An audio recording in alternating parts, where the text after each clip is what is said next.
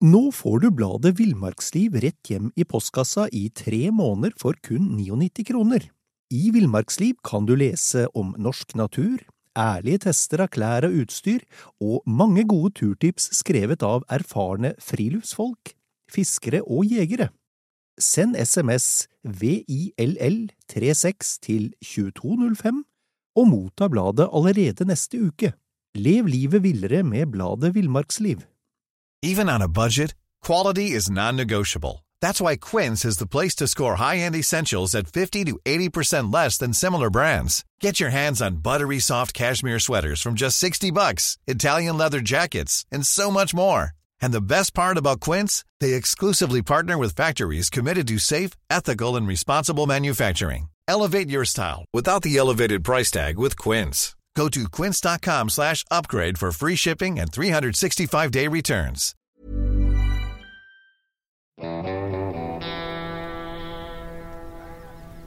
Velkommen til podkasten Villmarksliv. Mitt navn er Knut Brevik, og jeg er redaktør i bladene Villmarksliv, Jakt og Alt om fiske. Og jeg er Dag Kjelsås. Og Knut, i likhet med deg, har jeg båret mye ryggsekk. Ja, det vet jeg, for i dag skal vi snakke om ryggsekken. Vi skal snakke om historien til ryggsekken. Um, og for å innlede, så, så, lurer jeg på, Dag, hva er ditt uh, sterkeste minne fra bruk av ryggsekk? Jeg er helt sikker på at du sa det fordi du er med i historien. ja, ja. Og kanskje også fordi du egentlig hadde den tyngste sekken eh, i historien. Jo, som du husker hadde vi båret rein og elgkjøtt i årevis, begynte å kjenne litt eh, vondt i knærne innimellom. og at Det Det lugga litt? Ja, og så, og så diskuterte vi ganske mye om kvelda. Er det sunt å bære så tunge bører? Ja. Så ble vi enige om at nå, heretter, skal vi bære lette sekker. Ja. Og vi, vi lasta opp med elgkjøtt, så vi følte at det var godt under det vi var vant til. Og på den, eh, i det jaktområdet så er det veldig bratt ned til vei.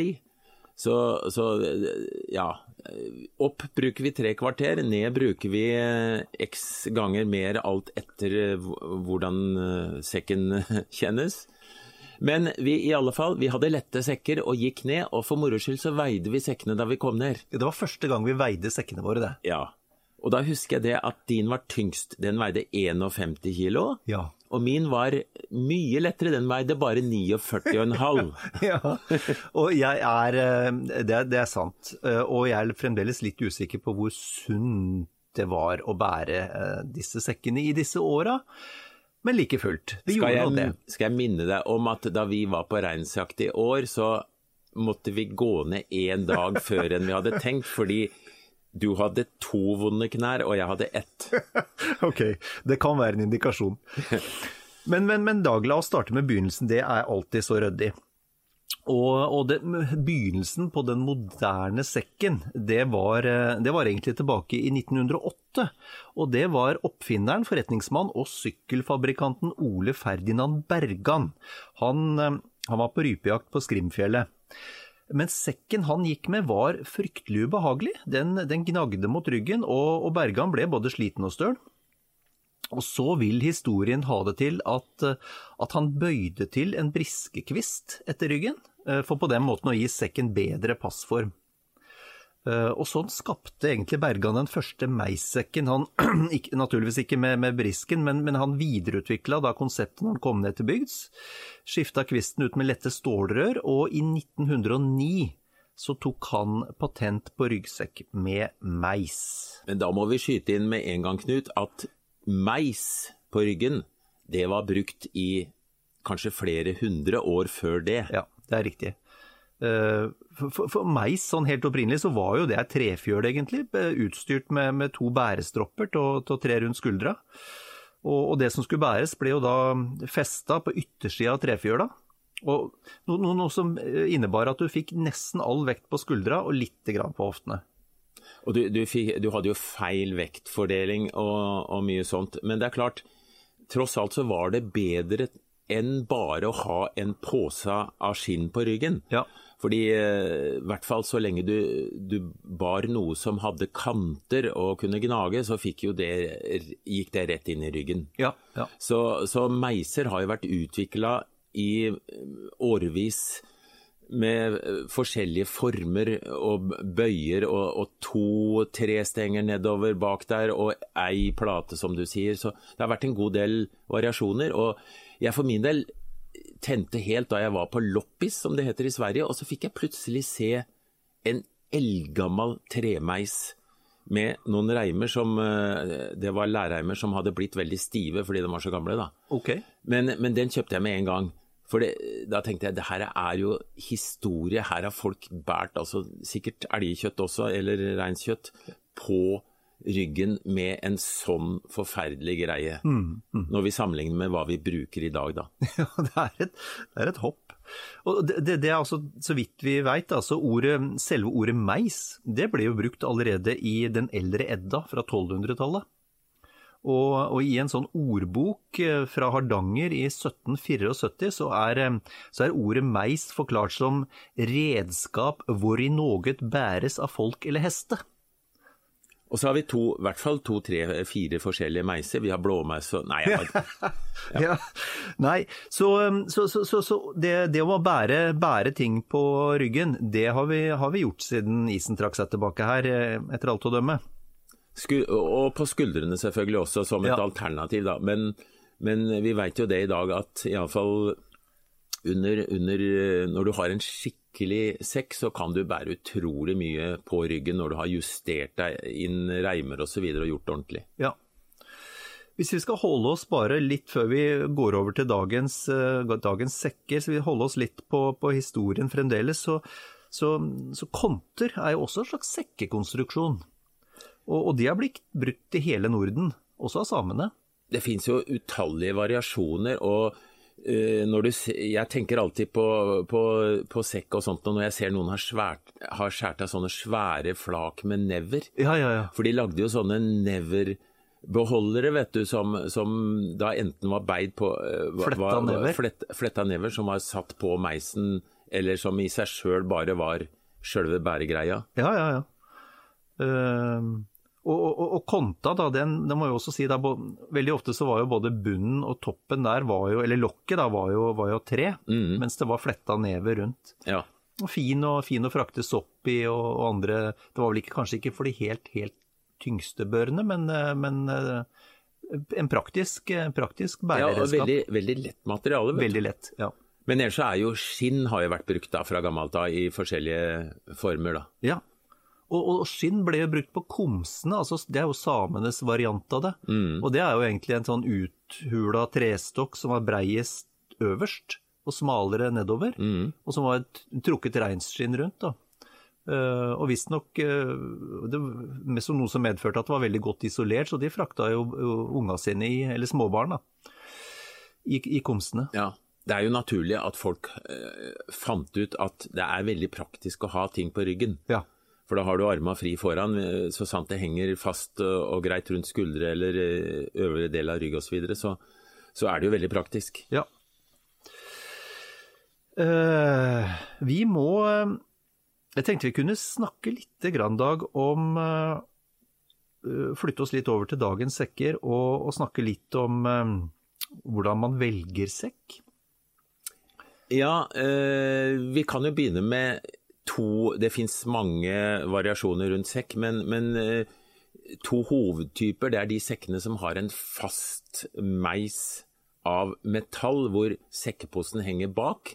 Det kan også være plast, men, men uh, greia er at det er en stiv ramme, får vi si. Det vi også kaller en pakkrammesekk. Ja, Ja. og, og øh, i dag så produseres jo disse så, sånn at det, det er jo ikke så stivt som det høres ut, men fordelen med stivheten er at du kan lesse på helt utrolig mye vekt uten at det påvirker eh, følelsen og, og bæreevnen og alt det der. Nei, fordi det, rammekonstruksjon gir stabilitet, så, Ja. så du, du, du bærer egentlig ganske behagelig, selv om du bærer uhyggelig tungt. altså. Det, du gjør det, og, og noen av oss syns det er veldig praktisk med at det er en sånn kant nederst bak der, som du kan sette f.eks. ei kasse inn mot, Ja. og så surre fast. Ja. Den er jo velegna. Du kan jo bære, altså du kan jo surre en påhengsmotor bak der og bære den til fjells. Ja, ja. Eh, Og, og, du, og du bærer godt. Så, så eh, når vi bærer tungt, og ikke minst kantete ting, så er det absolutt en veldig bra sekk, Mhm. sekktype. Og så har du anatomiske sekker som Kan jeg bare si én ting, da? Ja. Før du smetter opp anatomiske. Eh, En fordel eh, jeg syns eh, jeg merker med, med pakkrammesekken, er den delen av konstruksjon som det stikker opp en 3-4 cm, som er veldig fin å hekte børsereima på. de vi kan kalle hønna. Ja, hønna, ja! Ja, ja. ja, men jeg er helt enig. Det er veldig praktisk å henge altså, Du kan henge, henge kikkerten, eh, regnjakka Du kan henge mye rart her. ja. Så, så det er jeg helt enig i. Det er veldig fint. Og hvis det ikke fins, så, så har jeg på noen sekker faktisk lagd en sånn krok sjøl. Ja, ja. Og, og festa med teip eller på annen måte. Ja, for det er fryktelig irriterende nå, enten det er børser eller det er kikkert eller hva det er, glir ned hele tida. Ja. Jeg avbrøt deg. Du var, på, du var på full fart inn mot uh, anatomiske, du. Ja, og, og da, da snakker vi om sekker som Ja, det ligger litt i ordet, da. Eh, de ligger mer klistra inn mot ryggen med sekkeposen, sånn at eh, du er litt mer følsom i forhold til hvordan du pakker sekken og hva du har i sekken. Ja. Og hvis den blir for tung, så blir det mer hengende som en pose ned mot rumpa. Nettopp. Så, så, men, men det er jo for guds skyld, det er, det er veldig gode sekker i dag som, som uh, går under gruppen anatomiske, hvor du har uh, støttespiler og sånne ting mot ryggen. Ja.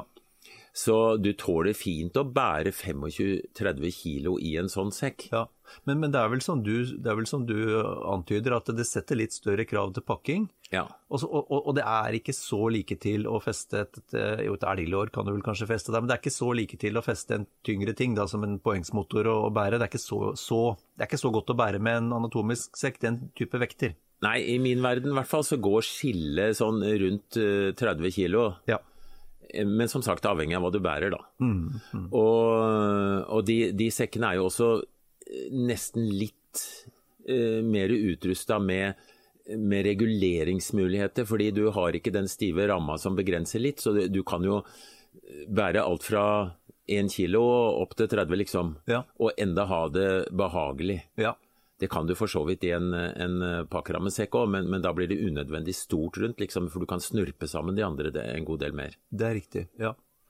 Men, men siden vi er inne på det, skal vi snakke litt grann om hvordan du tilpasser sekken, eh, enten det er, eh, enten det er pakkerammesekk eller anatomisk? Ja, de, i hvert fall de gode sekkene, de har jo da justeringsmuligheter. For det første så skal du jo da kjøpe en sekketype som passer med rygglengden din. Vi kan begynne der. Ok, greit, da Ja, starter vi med ryggelengden. Jeg syns det er viktig. Ja, jeg er helt enig. Ålreit. altså, ry- eh, rygglengden din det er regna som lengden mellom hoftekammen uh, og ca. 2 cm under adamseplet ditt.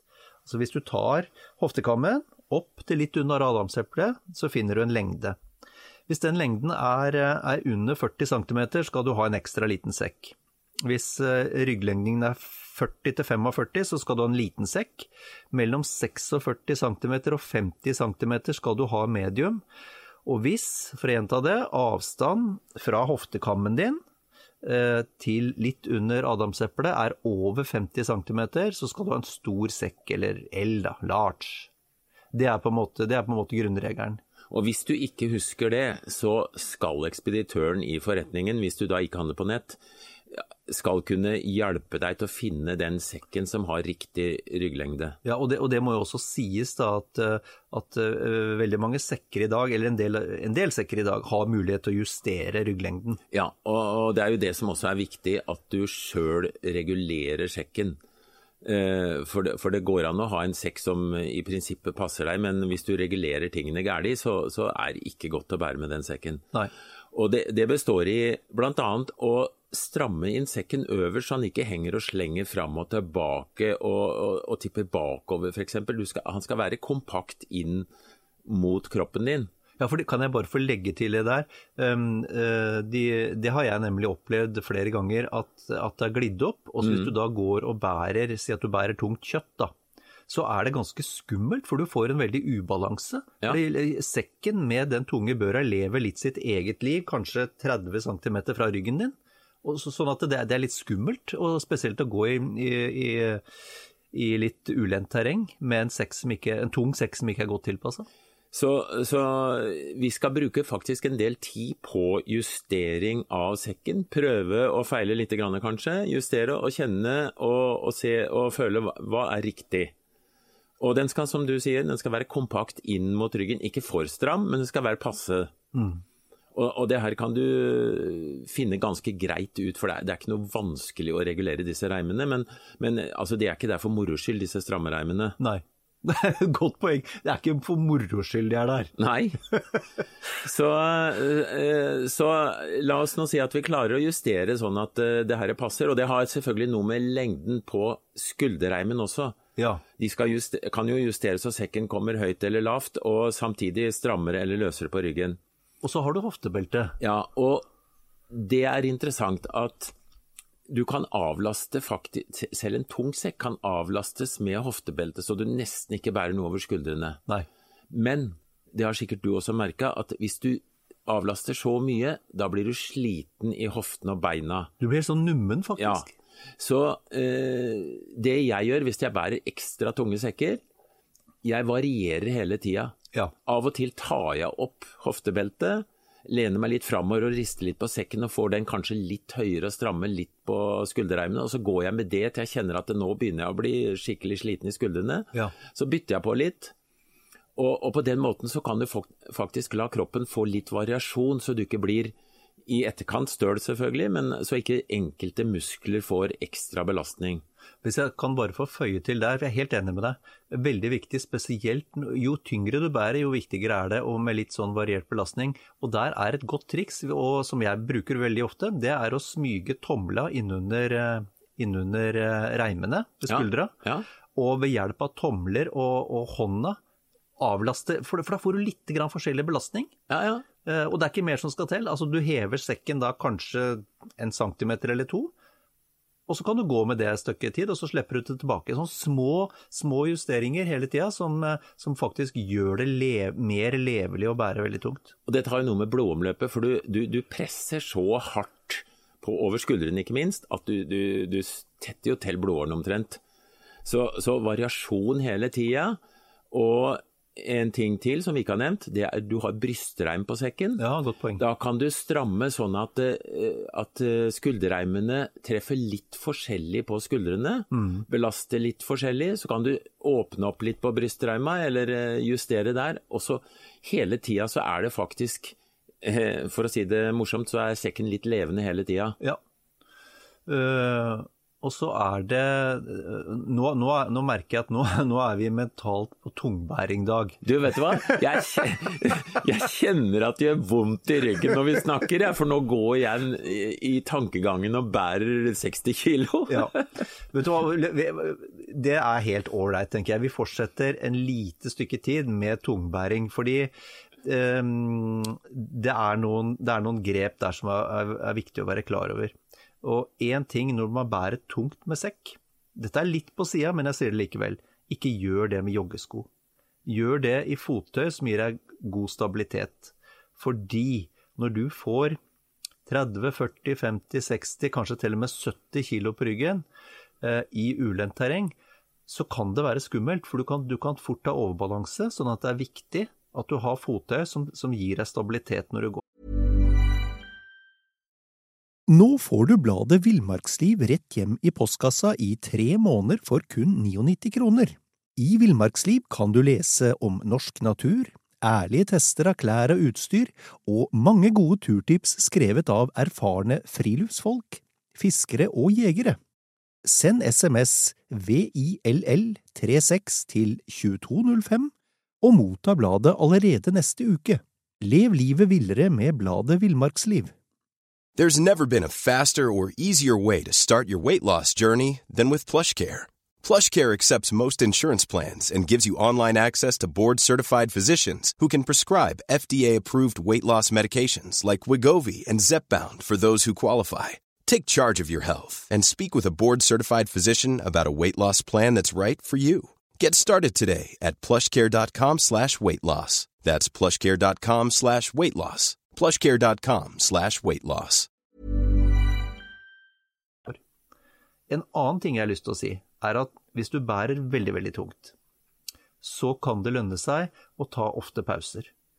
Finne en stein og sette seg aller helst en stein eller en del av, av terrenget hvor du slipper å boksere sekken helt opp fra bakken, men kan bare smette den på deg og gå videre. Du, vet du hva, jeg, når jeg bærer jeg, jeg prøver å ha slutta med det, men det hender fortsatt. ja, vi lærer aldri. Når jeg bærer de der blytunge sekkene Det første jeg gjør når jeg begynner å gå, er å se etter neste stein. Ja. Om du bare setter deg ned et halvt minutt, så det er så deilig. Det hjelper kroppen til å være klar for en ny runde. ja. Og hvis du har gått veldig lenge og ikke finner noen stein, så, så er det direkte plagsomt, og jeg vil ikke tro så sunt for kroppen heller, for du, kroppen sier jo litt ifra. ja. Så ø, å finne en stein som er gjerne sånn at du kan sitte med rumpa på og, og samtidig lene deg litt bakom, men ikke så mye at du tipper rundt, da. Nei. Eh, og sette ned sekken og, og, og hvile. Ja. Og hvis, sånn vi har opplevd noen ganger, Dag, hvis det er sånn at du må bare gi deg og sette, sette sekken på flatmark, den er veldig tung, så er min foretrukne måte å komme meg opp i vertikalen igjen, det er å, å, å, å legge meg, holdt jeg på å si, smyge sekken på meg mens jeg ligger eh, med ansiktet vendt mot himmelen. Så snur jeg meg rundt, eh, går krabber på alle fire. Og akkurat, akkurat og, og, og, da, og da kommer selve løftet, ikke sant. Derfra opp. Da er det veldig greit å ha en kompis som hjelper deg. Et, det trenger ikke å være mye han tar i, men, men det, gjelder også, det gjelder også hvis du skal ha på deg sekken uten å gå via knestående. Eh, litt grann hjelp fra kompisen er helt uvurderlig der, altså. Altså, jeg har en bildeserie jeg tok en gang, Knut, av deg. Ja. Og den sekken veide nok ikke under 60. Nei. Eh, hvor du da gjennom ansiktsuttrykk og oppførsel eh, bekrefter at det, det, det her er helt på kanten, og du er en stor og sterk mann. Ja, altså jeg, jeg, på det, jeg vet hvilke bilder du, Du- tenker på. ja, ja, ja. Jeg, ser, jeg ser avsindig berusa ut. Det er Altså, ikke tilfellet. Er, jeg, jeg, jeg ler hver gang jeg ser de bildene, fordi du begynner altså, som du sier, med sekken liggende sånn at du klarer å krabbe inni sånn mer eller mindre på skrått ovenifra. Ja. Får armene inni. Så får du vridd deg rundt så du står til slutt på knea og henda. Ja. Og så ser du deg hjelpeløst rundt. og, og så prøver du da det kunststykket å løfte opp kroppen og sekken og alt sammen. Og jeg har også sett deg ha klamra deg til ei bjørk for Ja, ja. å få hjelp. Ja, og så har du, har du på en måte klatra oppover bjørka, sånn, sånn litt sånn apekattaktig oppover der, og til slutt så står du oppreist og puster letta ut med 60 kilo på ryggen. Ja. Nei, men det er, det er små, og- men, men det mener jeg. Og mm, jeg har en, en, en god venn av meg som er kiropraktor, og han har fortalt meg at eh, det å fra stående posisjon få på seg en tung sekk, altså du, du, du, får, du får den over ene skulderen, og så skal du da løfte den opp.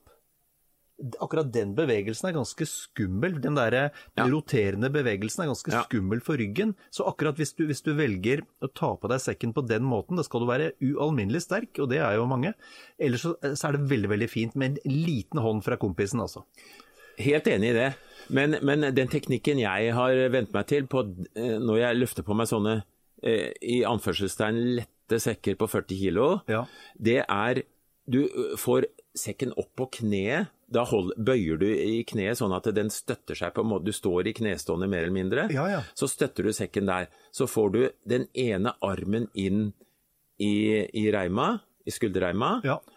Og så gjør du en, en løftebevegelse, og så vrir du deg veldig fort inn i sekken uten å belaste. Okay, Det er litt okay. vanskelig å Eh, beskrive. Nei, jeg skjønner hva du Vi mener. skulle hatt TV for å Ja. vise den. Skjønner hva du mener. Men, men det går ganske greit, altså. Men det, det som er viktig, er i hvert fall ikke å bøye seg på den gærne måten med å, å bruke ryggen bøyd og løfte med, for så får du en kink og alt det der. Og så er det det med vri, som du sier, da. ja. Men, men altså, skal du pakke en tung sekk, så pakk den for guds skyld på en stein, så kan du bare gå bort og tre deg inni sekken og begynne å gå. ja, det er det beste. Det det Og, og de gangene jeg har båret sånn megatunge sekker, så er det eneste muligheten. For Ja. hvis du er aleine i fjellet og f.eks. har skutt to rein som du skal ha i sekken, Ja. du har ikke sjans til å få noe fra bakken. Så da setter du sekken stødig på en stein Ja. som er i, fra rumpehøyde oppover, Ja. og så trer du i, på sekken fullasta derfra. Bare vandrer du inn i sekken og går videre, på en måte. Ja. Ja. Men, men la oss si med en gang, da. Det her er, nå har vi drevet og, og båret tunge bører i 50 år, liksom. I hvert fall jeg. Eh, og det er ikke å anbefale for uerfarne folk. Du skal trene. Og folk som skal på langtur, eh, vi snakker 14 dager eller sånt nå, gå på jobben med sekk. Putte oppi ei tiliters vannkanne. Tren.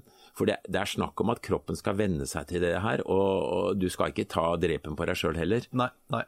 Og så, merker jeg det når vi snakker om det nå, så er det veldig det er, det er, Nå er det sjarmerende, nå føler vi oss som karer. Men det er klart at, eh, er klart at når du står med, med en kjøttbøl det skal bæres, det er, gans, er usjarmerende altså, å bruke flere dager på, på å bære, bære tungt med sekk. Du, jeg har veldig mange bilder av deg når du bærer tung sekk, men jeg har ikke ett hvor du smiler.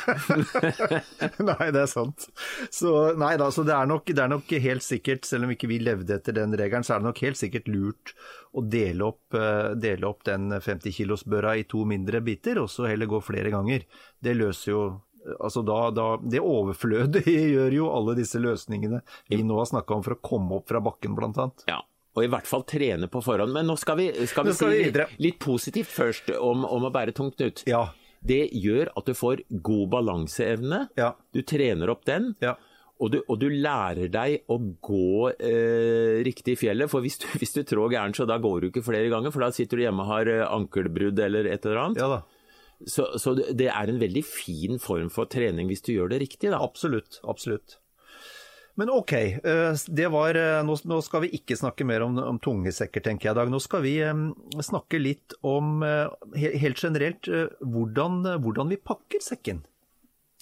Ja, og den, den kan pakkes så dårlig at det er en forferdelig opplevelse å bære selv 10 kilo. Ja. Og den kan pakkes sånn at det er behagelig å bære mange, mange flere kilo. Eh, og det, det her er jo for så vidt noe de fleste kan, da, men bare for å gjenta det. Tyngden inn mot ryggen. Ja. Altså Ikke noe sånn vektstangvirkning, men noe som henger langt utover. Og altså, du legger ikke soveposen inn mot ryggen og, og eh, noe blytungt ytterst Nei, nei. eh, Som, som henger bak eh, og gir dårlig vektfordeling. da. Nei. Inn mot ryggen med det tunge, og gjerne litt over midten på sekken nå. Men, men der skal vi også nevne det at det er forskjell på å gå på ski og gå på beina. Når du kjører på ski, så må du ikke ha tyngden for høyt. Nei. Det, for det, det er en mer ubalansert øvelse enn å gå på beina i eh, rimelig brukbart terreng. Så da må vi ha tyngden ned. Ned med tyngden eh, når du går på skia. Ja. Bra. Og så og så tenker jeg det er vel også eh, Moderne sekker har jo i dag eh, åpninger eh, både i bunn og noen også fra siden. Og da er det vel også greit å pakke sånn at det du veit du trenger underveis, er lett tilgjengelig fra, fra en av åpningene. Sånn at du slipper å på en måte tømme hele sekken for å finne det som ligger i bånn. Ja, da, da har du en eh, slem jobb hvis du skal på langtur og har mye oppakning. Ja. Eh, og da tenker jeg også at vi kommer inn på Det, det er jo eh, topplommer f.eks. som er ikke så veldig store, men det er nok til at du kan ha Kart og kompass. ei lue, kart og kompass eller GPS eller hva du enn har. Eh, altså det er mange, mange muligheter for det. Også, du, kan, du kan også henge ting utapå sekken, men ikke altfor mye skal dingle på sekken, for det, det gir ubalanse igjen. Ja. Men noe kan, sånn som de, de lette typene liggeunderlag, kan godt henge bak på en sekk. Det spiller ingen rolle. Nei, nei. Men, men spenn det fast, da, så ikke vinden tar det, eller så det dingler. Ja. Men, men eh, i forbindelse med pakking, og hvis du da må ha ut alt fra sekken av en eller annen grunn, så ser du fordelen i å ha brukt pakkposer. Ja. At du har klærne i en For jeg har pakkposer med forskjellige farver. Eh, hvis du har klærne i den røde, ja. så har du kokeutstyret i den grønne, ja smart. og så har du diverse i den blå f.eks. Ja. Eh, fiskeutstyret i den gule. ja. Smart. Det gjør pakkingen veldig mye greiere ut og inn av sekken. Ja. Og så, så tenker jeg det du veit du skal bruke flere ganger i løpet av dagen, enten det er vannflaska di, eller det er matpakka eller natursjokolade, eller hva det er, så ha det i sekkelommen eller topplokket. Lett å få tak i. Uh, slipper, slipper, mye bry med å inn og ut av sekken. Hvis vi er to på tur, så tenker jeg det er best å ha vannflaska i ei sekkelomme eller et nett eller hva det nå er på sekken. Mm. Uh, hvis du går alene, så kan det være greit å ha det i beltet, så du slipper å, å vrenge av deg sekken for hver gang du skal drikke. Litt mm. avhengig av hvordan vi er vant til å drikke. Det er noen som drikker for uh, hvert 300 meter, og andre som går halve dagen. Ja. Men i hvert fall, da kan vi jo hjelpe hverandre med å finne ting i sekken, så vi slipper å ta av sekken hver gang. Ja. Et, et, punkt også ved pakking av sekk som jeg har tenkt på, det er eh, Sekker er jo ikke nødvendigvis helt vanntette. Så, så, som du sier, hvis du har vanntette pakkposer, så er det jo, er det jo løst. Men ellers få tak i, få tak i et eh, jeg holdt på å si deksel, et sånn eh, overtrekk. Det finnes jo regntrekk. Det, det, det, det, er vanntette sekker å få, men ja. de er stort sett ikke så praktiske å bruke på langtur i fjellet. Nei. Men de er jo veldig bra å bruke på båttur f.eks. Mm. ved sjøen, ja. hvor du kombinerer bæring med at du også skal i båt. Ja. Men, men uh, sånne regntrekk veier jo ingenting, og, og følger ofte med litt ålreit uh, sekker. Ja. Uh, men altså, pakk i plastposer da, hvis du ikke har pakkposer. Nei. plastposer er noe skitt når det ligger og slenger i stranda eller i fjellet, men det er utrolig nyttig når du f.eks. går med sekk, da, hvor du kan pakke klær tørt osv. Ja. Bra tips. Um, ok, og så tenker jeg vi må si, si litt også, Dag, om det her med kapasitet til sekken. Uh, for de måles jo i, i volum, liter. Og da har vi, har vi de minste da på 15-20 liter, som jo i praksis er en dagstursekk for uh, korte, korte turer, varme dager. Det er jo ingen grunn til å bære på for stor sekk, for den veier jo litt i seg sjøl, ennå. Og ja. han er mer i veien Altså, det, det, Du kan jo teoretisk da ha tyngre sekk enn det som er oppi sekken, og det er bare tull. Ja. Eh, hvis jeg går en rask skitur etter løype f.eks., så har jeg en sekk som eh, bare rommer vannflaske, matpakke, ekstra Eh, ekstra undertøy eller eventuelt eh, vanntett til å ha ja. uh, utapå hvis det er om våren og kan komme regn osv., men ikke noe mer. Nei. For det er ikke noe vits i å gå med en kjempesekk når når, når, du ikke trenger stort volum. Og, og, sekker er å få i Altså, du har jo rumpetaske som er eh, Enda mindre, ja. ja. Det er ikke sekk akkurat, da, nei, nei. men, men altså, det er jo et alternativ til å ha ting når du går og skal ha armene fri. Ja. Men altså, altså de, de, aller minste 15-20 liter dagstur, og så har du 30 liter sekker. De er sånn på størrelse er det omtrent med det du får inn på et fly, med sånn håndbagasje. Uh, og, og, så har du 40-50 liters uh, sekker, som sånn i grove trekk uh, er velegna til én natts overnatting, f.eks. Lettere helgeturer. Du har, um, du har sekker på ja, 50 til 70 liter. Som, eh, da, da, begynner vi å snakke om at du har plass til litt, så du kan være et par netter ute. Eh, litt ekstra tøy, litt, eh, litt primus, litt grann Ja, naturligvis noe, noe førstehjelpsutstyr osv. Og så har du de virkelig store, da fra 70 liter og oppover. Du, du får dem jo 70 til 100, du er helt opp i 120 liter. Da snakker vi, da snakker vi tur, altså sekker for lengre turer i fjellet med mye utstyr. Og Da kan vi også nevne at det er noen sekker som har en, en sånn uh, De kan dras ut så det blir en lang, nesten soveposeaktig greie. Ja, ja. Uh, den ene sekken jeg har, den kan jeg faktisk overnatte i.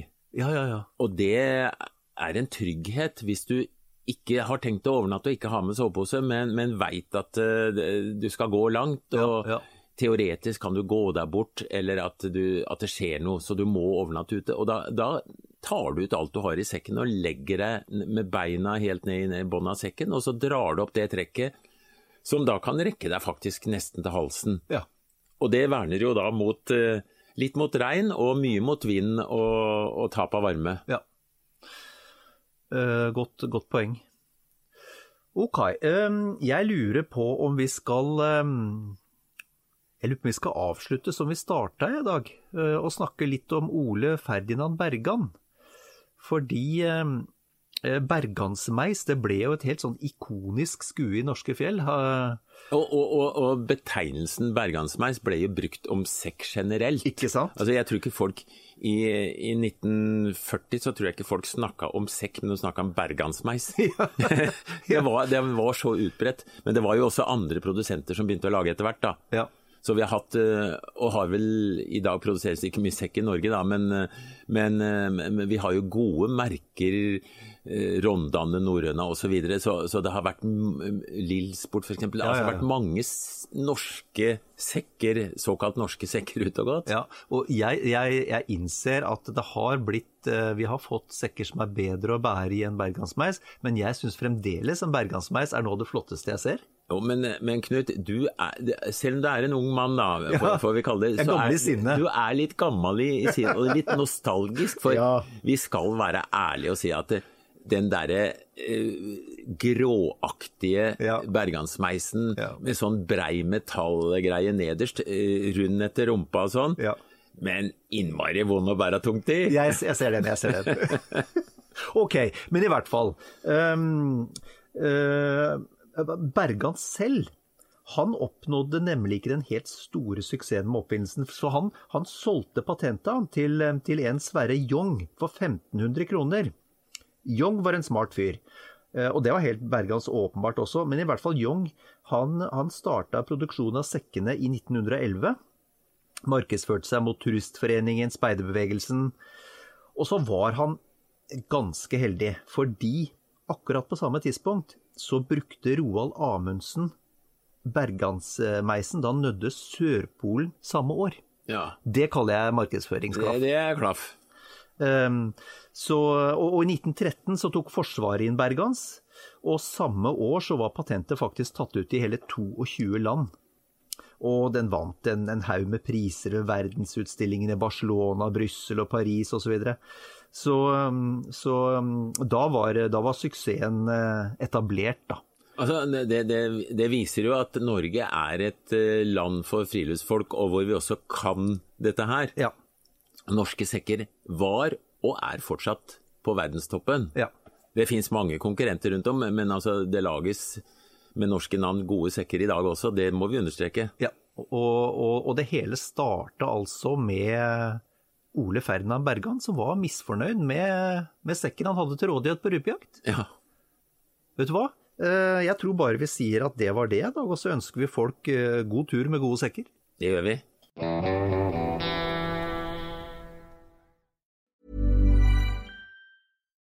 Nå får du bladet Villmarksliv rett hjem i postkassa i tre måneder for kun 99 kroner. I Villmarksliv kan du lese om norsk natur, ærlige tester av klær og utstyr, og mange gode turtips skrevet av erfarne friluftsfolk, fiskere og jegere. Send SMS VILL36 til 2205 og motta bladet allerede neste uke. Lev livet villere med bladet Villmarksliv. Planning for your next trip? Elevate your travel style with Quince. Quince has all the jet setting essentials you'll want for your next getaway, like European linen, premium luggage options, buttery soft Italian leather bags, and so much more. And is all priced at 50 to 80% less than similar brands. Plus, Quince only works with factories that use safe and ethical manufacturing practices.